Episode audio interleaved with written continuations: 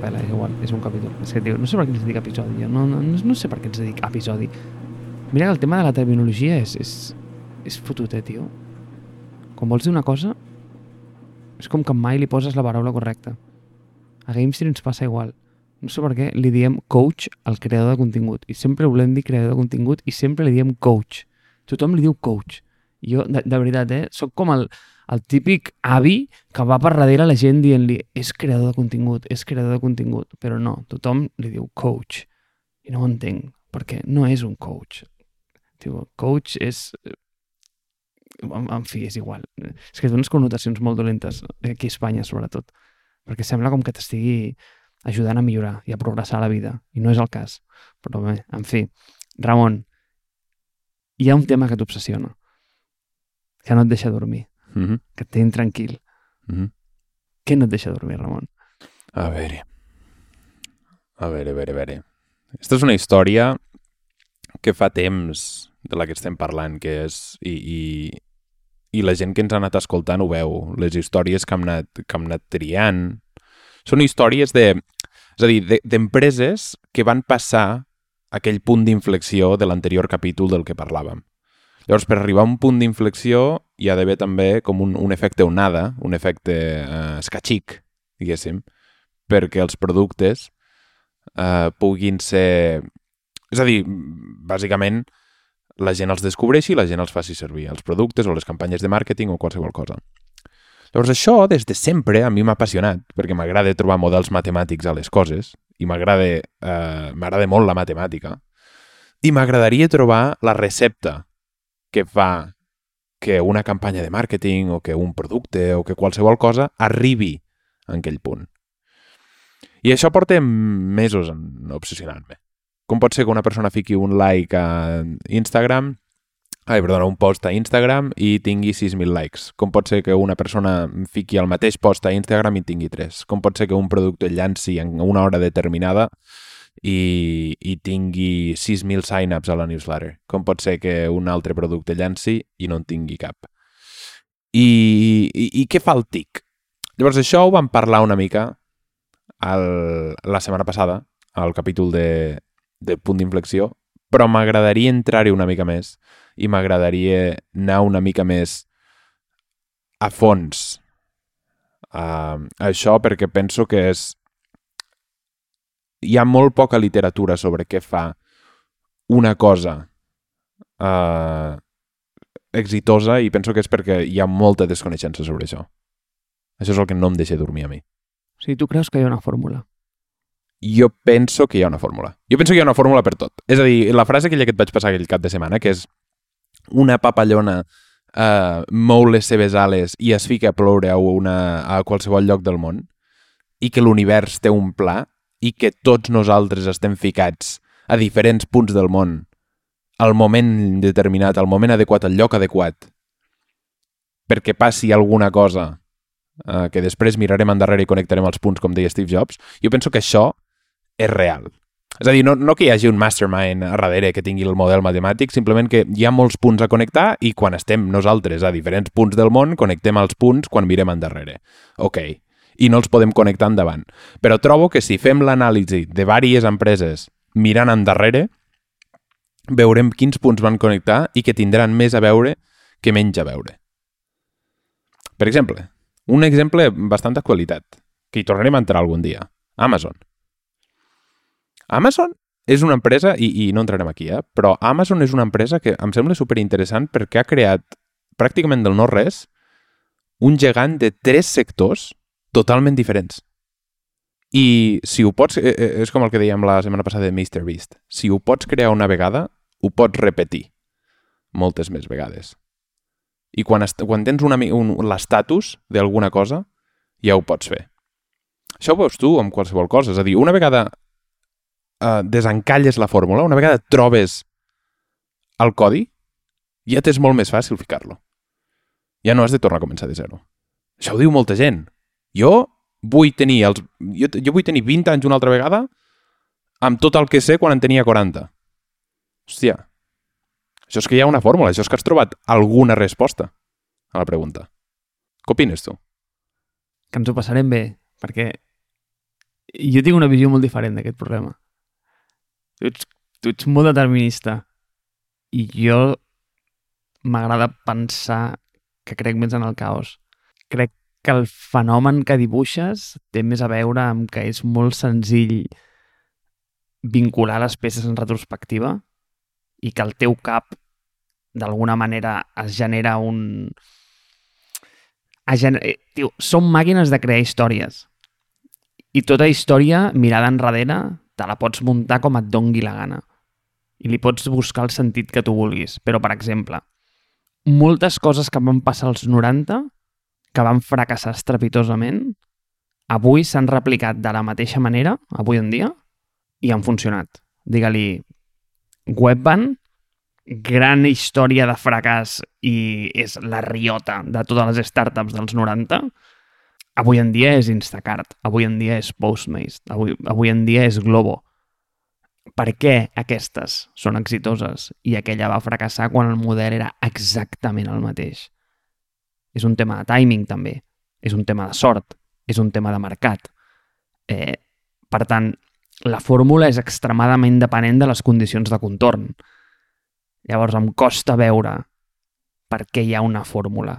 És a dir, és a dir, i per això penso que ens ho passarem molt bé, eh? perquè tu vols buscar la fórmula aquesta que, que al final dius, tio, cada vegada que jo aplico això, tinc un producte exitós.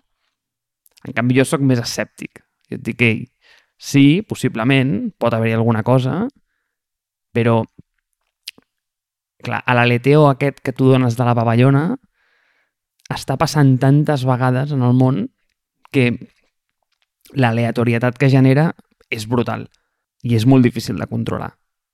Llavors, és que d'aquests exemples n'hi han mil. O sigui, eh, pets.com, un altre dels 90, un mític. Mm, ara, pets.com seria qualsevol vertical d'e-commerce que està funcionant.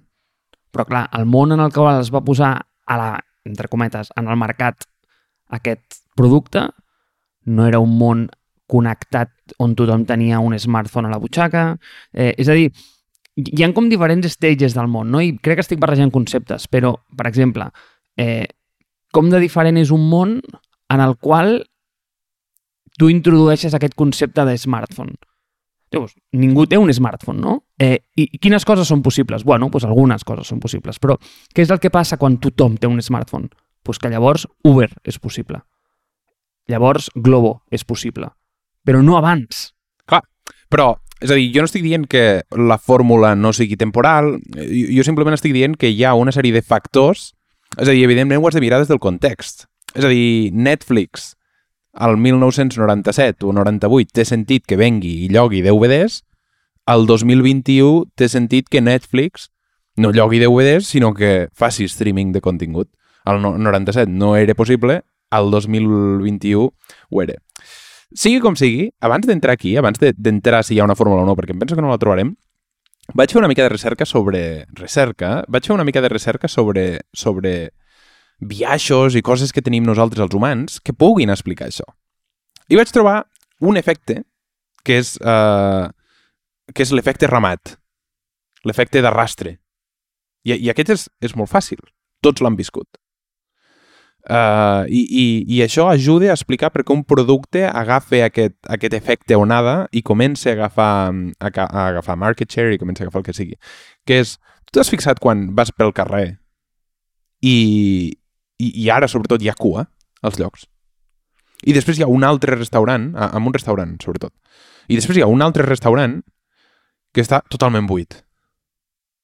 I, i tu el que penses instintivament és vaig al que hi ha cua. Perquè vull dir, si aquest està buit i tot aquest s'estan esperant la gent és que deu estar bo de l'hòstia aquest. Llavors, això ho veus també amb les reviews. Tu vas als restaurants que tinguin menys de 3,5? Probablement no, vull dir que 3,5, si, si, si 1.000 persones han votat 4,5 en aquests restaurants, que estarà boníssim. I llavors aquí hi ha un altre punt, que és el viatge de l'autoritat. Que em sembla superinteressant, el viatge de l'autoritat sembla, quan una persona, per això neixen els influencers i els microinfluencers i tot això, que és quan una persona coneguda fa alguna cosa, nosaltres som més susceptibles de fer-ho. Un, un exemple molt petit, Clubhouse. Clubhouse és una nova xarxa social que analitzarem algun dia i, i bàsicament viu d'això. Clubhouse va tenir a l'Elon Musk el dilluns, em penso, i va petar els servidors. No es podia entrar a la conversa de l'Elon Musk. I ara tothom fa servir Clubhouse i tothom en parla. Aquesta exclusivitat de la que parlàvem.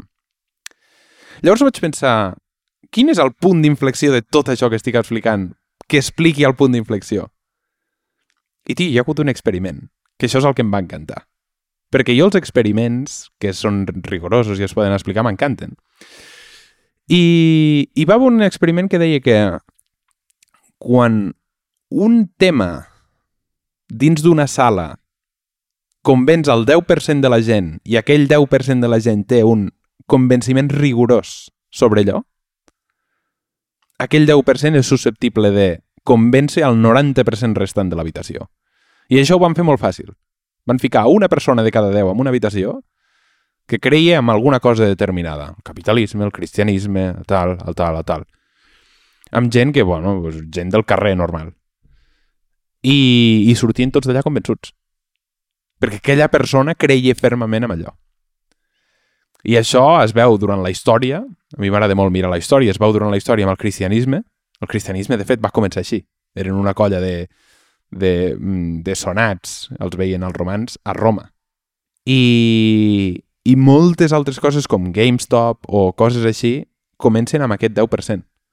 Llavors, per això et diuen, no? Troba els teus early adopters, troba el, el teu core. És aquest 10% que et diuen que trobis. Llavors, jo penso que si, si tu tens aquestes, aquestes aquests viatges, aquestes coses que tenim nosaltres com a humans, simplement has de trobar la manera per convèncer aquesta gent i suposo que després ja hi haurà el network effect aquest que hi ha. Però el complicat és convèncer aquest 10% de gent. Dos coses. Una pregunta. En català, baies es diu biaixos? T'ha agradat? M'ha encantat. És que al principi no sabia de què parlaves. I, i dic, què és un biaix? I pensar, aquest tio m'està traient aquí una paraula en francès. Penso que sí. Penso que sí. Ui, que poc convençut que ho has dit, eh? No, sí, sí. Ah, vale, sí. Ara sí, ara, sí. Ara, ara, ara ha sonat convincent. I tot això m'ho dius la setmana de GameStop. Perquè quan es publiqui aquest episodi, això ja serà pues, possiblement estarà als anals de la història, però m'ho estàs explicant la setmana que GameStop ha passat. I jo crec que no necessita ni, ni, ni explicació. És a dir, al final ja, ja ho vam comentar la setmana passada. I si ho, pues, pen, si ho penses des d'un punt de vista molt fonamental, el que tu dius del 10%, clar, m'has posat un exemple molt, molt tonto, perquè és una persona i n'hi ha 9, no? I això és el 10%. I és una sala, i la controlem, la veiem, veiem les 10 persones. El que passa és, què passa quan tens el món connectat? A, a, a quina escala pot arribar un problema d'aquest tipus? I llavors, a mi m'encanta portar les coses a l'extrem. Llavors, si portes aquesta idea a l'extrem, el que generes és una inseguretat i una incertesa acollonant, eh? En el món. Perquè qualsevol cosa és susceptible de que quatre xalats amb, amb un suficient influència et puguin desmuntar qualsevol cosa o et puguin armar la campanya que vulguin. I aquí et torno al punt que vam comentar l'altra vegada dels creadors de contingut, no els coaches, no, els creadors de contingut, ¿vale? que, tio Ramon, guanyen quatre durets i estan obsessionats amb guanyar pasta quan realment s'estan perdent el big picture.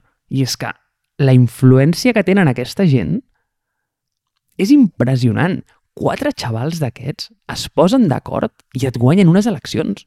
Però literalment, literalment. O sigui, munten un candidat i tres o quatre influencers es posen d'acord i diuen que s'ha de votar aquest candidat. I després, i aquí va el que, el que tu dius, que aquest efecte que has posat mm, que percola cap a baix té un, té un nom en anglès mm, claríssim que és el, el trickle down i, I és exactament això. És a dir, és, tio, tens com un corrent molt fort eh, que va des de dalt, la gent s'hi enmiralla i ells també volen formar-ne part. I és com... Eh, això ho explica molt bé el, el, el llibre aquest que es diu The Wisdom of Crowds. Eh, i, I la idea del 10% juraria que surt d'allà perquè jo l'havia llegit en algun lloc i crec que la vaig llegir allà. Eh, però em sembla interessantíssim això. El fet de que en un món globalment connectat, aquestes són les típiques conseqüències que no esperaves. És a dir, tu, per exemple, quan poses un smartphone al mercat, pots predir que la gent xatejarà, pots predir, eh, no sé, que la gent navegarà per internet amb el telèfon, perquè són funcionalitats que el telèfon activa, no?, o que escoltarà música, però difícilment pots predir WhatsApp, o difícilment pots predir Uber, o difícilment pots predir Globo. És a dir, són coses que succeeixen una vegada tens aquestes condicions de contorn. I, clar, difícilment, quan algú va posar internet bueno, va, vaig, a, vaig a dir una atrocitat, vale? però quan algú va posar internet al mercat, vale? i sé que no funciona així això, eh? però anem a dir, com hi ha un dia 1 on, on, on hi ha gent que està connectada a internet, difícilment podies predir GameStop. És a dir, que hi hagués un moment en què es generessin com aquestes onades d'influència sobre certs tòpics que literalment et tombessin Wall Street. Això li dius a algú, i ara tio, em vinc al teu punt de mirar enrere, li dius a algú fa, no ho sé, 40 anys que això passaria i és, és, no, li, no li cap al cap. No recordo on ho vaig llegir això, però hi ha com aquesta idea de quants anys han de passar enrere perquè li ensenyis a algú tecnologia del futur i li dongui un atac al cor, no? Llavors, cada vegada aquest ràtio s'està retallant més. És a dir, per exemple, jo què sé, pues, quants anys havien de passar perquè un tio del paleolític eh, li agafés un atac al cor? Home, pues, potser li havies d'ensenyar, pues, jo què sé, al Panteón. Però clar, per això van passar mils d'anys, no? Per un tio del Panteón, què li tenia que agafar un atac de cor? Pues, igual li tenies que ensenyar, no sé, l'electricitat. I quants anys van passar per això? Pues van passar cents. Però algú de fa, no sé, dotzenes d'anys, li ensenyes a dia d'avui un coet que va a la lluna bueno, li explota el cap. Però a una persona d'un coet que va a la lluna li ensenyes un smartphone que no ha passat tant temps. O sigui, al final són 30 anys d'una cosa a l'altra. I, I et diu que això no és possible, que això és, que això és brujeria. O sigui, li, li, li, li agafa un atac al cor, no? Eh, I i, aquest, aquest és el meu punt, no? Que, bueno, és que el meu punt s'ha anat com, com, com per los cerros de Úbeda, però eh, tancant enrere, eh, és, és, aquest, és aquest tema de que, mm, com et diria, si tu mires endarrere enrere i t'ensenyen coses que de fa 20 anys, quines tu diries, ostres, això formarà part segur del futur? És complicat, això, eh? Sí que és complicat, però jo penso que pots trobar, ja et dic, pots trobar aquestes maneres que, que, les, collect, eh, que, que les connecten. Només et volia afegir, clar, una persona de fa 10 anys, ah, és que avui estava veient un tuit sobre això, mm, precisament, que era ha canviat molt l'internet des de fa 10 anys. I estic molt d'acord amb que ha canviat molt. O sigui, la volatilitat que hem aconseguit amb, amb coses com GameStop, per exemple, és enorme. És a dir, uh, GameStop, o sigui, tot el, tot el procés de GameStop va atemorir els mercats la setmana passada. Van baixar una mà de punts, tota la gent que té que les en borsa va baixar una mà de punts, però tornant amb el que tu dius, si tu mires endarrere, ja fa temps que parlem d'això, Safareig. La conversa sobre les xarxes socials tenint poder va d'això. La conversa de TikTok va d'això. La conversa d'Amazon va d'això. I sobretot la conversa de QAnon. QAnon és un grup marginal dins d'una xarxa social menor no, perdona, dins d'un grup d'una xarxa social menor, com 4chan, que comença a agafar tracció, tracció, tracció, tracció, comença a agafar 10%, i 10%, i 10%, i 10%. Clar, jo estic d'acord amb tu que cal acotar que és el 10%, perquè el 10% de tot el món són, uh, quan, 700.000 milions de persones? És igual, o, o 700 milions de persones, són moltíssimes persones. Llavors, jo penso que el que has de fer és acotar, i, i evidentment tu no pots arribar a tothom. Llavors, per això és important acotar audiències i per això estic entenent molt bé lo del vertical aquesta setmana. Perquè el vertical és bàsicament això. És a dir, dins d'un vertical, dins d'un grup de persones, el teu producte on pot ficar la troca? Llavors tu mires i dius, a mi m'interessa uh, aquest vertical. Uh, roba d'animals, o sigui, la gent que els agraden els animals. Llavors, dins de les comunitats que hi ha i dins de les comunitats que es creen naturalment, perquè les comunitats es creen bàsicament naturalment, eh, tu has de mirar simplement la teva comunitat i començar-te a establir allà. I, tornant endarrere al que deia dels viatges d'autoritat i el viatge o, o l'efecte ramat, simplement has de trobar l'autoritat que et pugui vendre aquell producte i després fer-ho bé, fer-ho el suficientment bé, i aquesta és la cosa que m'agradaria analitzar. Què vol dir fer-ho bé? Com podem ficar intuïció en un producte per tal de que agafi el següent pas, que és l'efecte ramat, i llavors la gent en comenci a parlar de 10% en 10%? I aquesta és la cosa que penso que tu dius que és complicat de trobar, i estic totalment d'acord, però penso que podem analitzar amb diferents moviments i companyies, per exemple, GameStop, o jo en tinc un altre que és, que és uh, It is what it is, que ja explicaré, i ja t'explicaré. Hi ha un altre que és Bitcoin. Hi ha un altre que és uh, un, un festival que es deia Fire Festival. Hi ha molts corrents i molts moviments així, normalment campanyes de màrqueting, però també hi ha molts productes que han aconseguit. Tu deies molt bé, no?, aquí a nivell de Barcelona. Globo, Wallapop. Com és que Wallapop triomfa dins d'un mercat uh, tan saturat com o, o per eBay?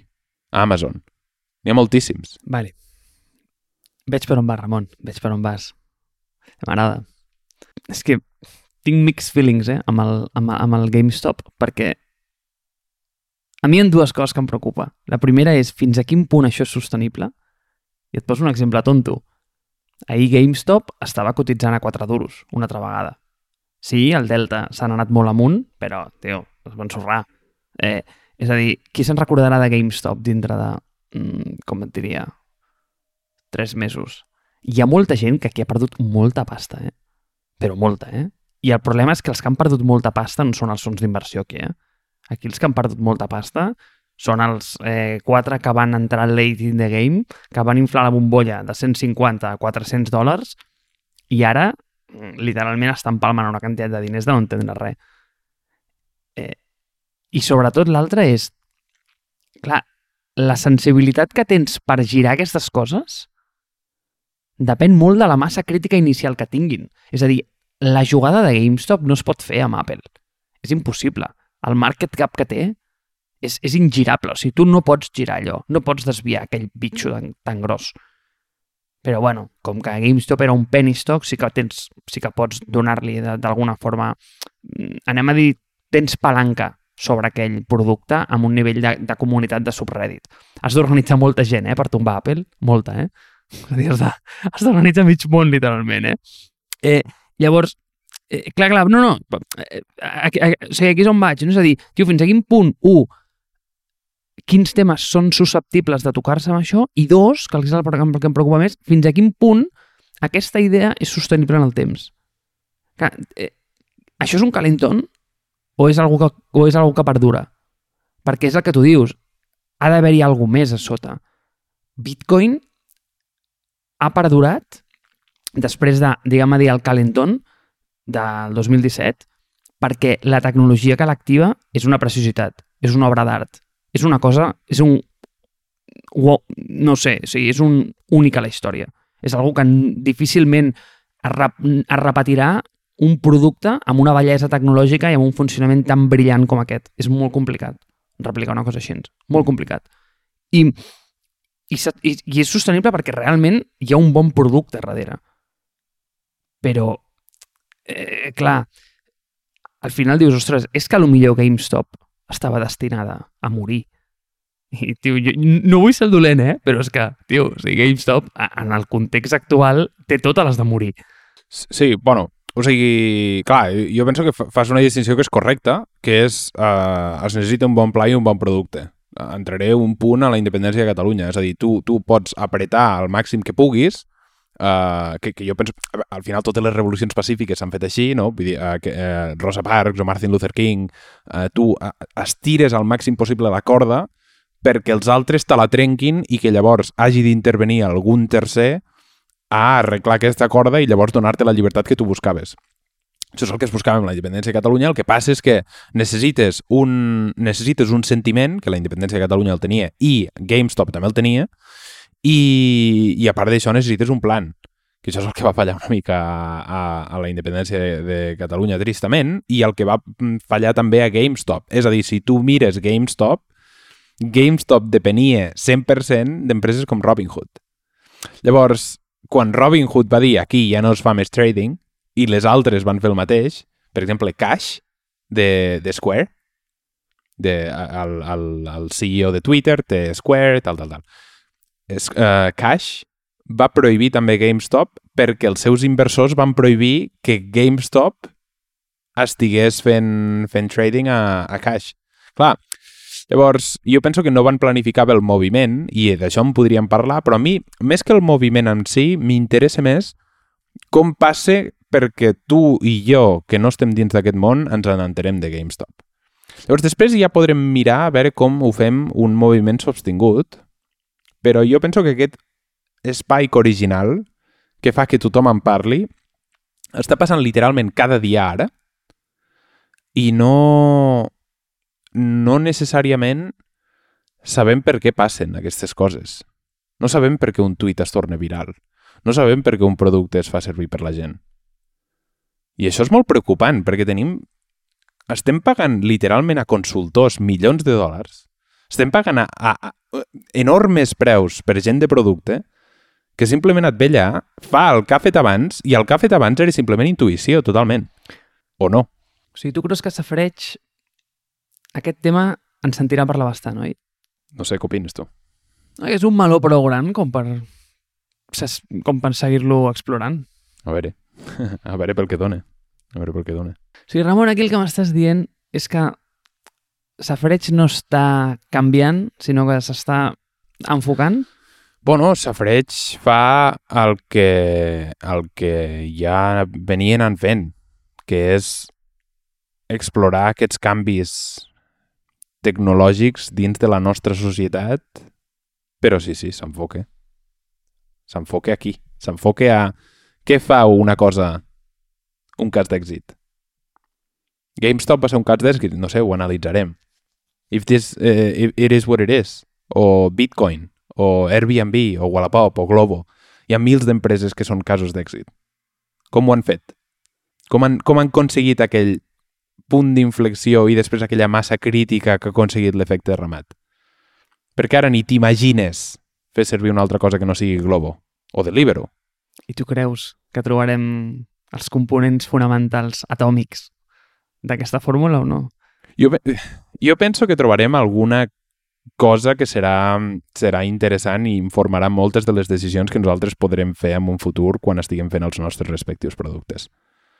Perquè perquè hi ha molts casos al món. Literalment, cada dia, si tu vas a Product Hunt, es llancen desenes de productes allà.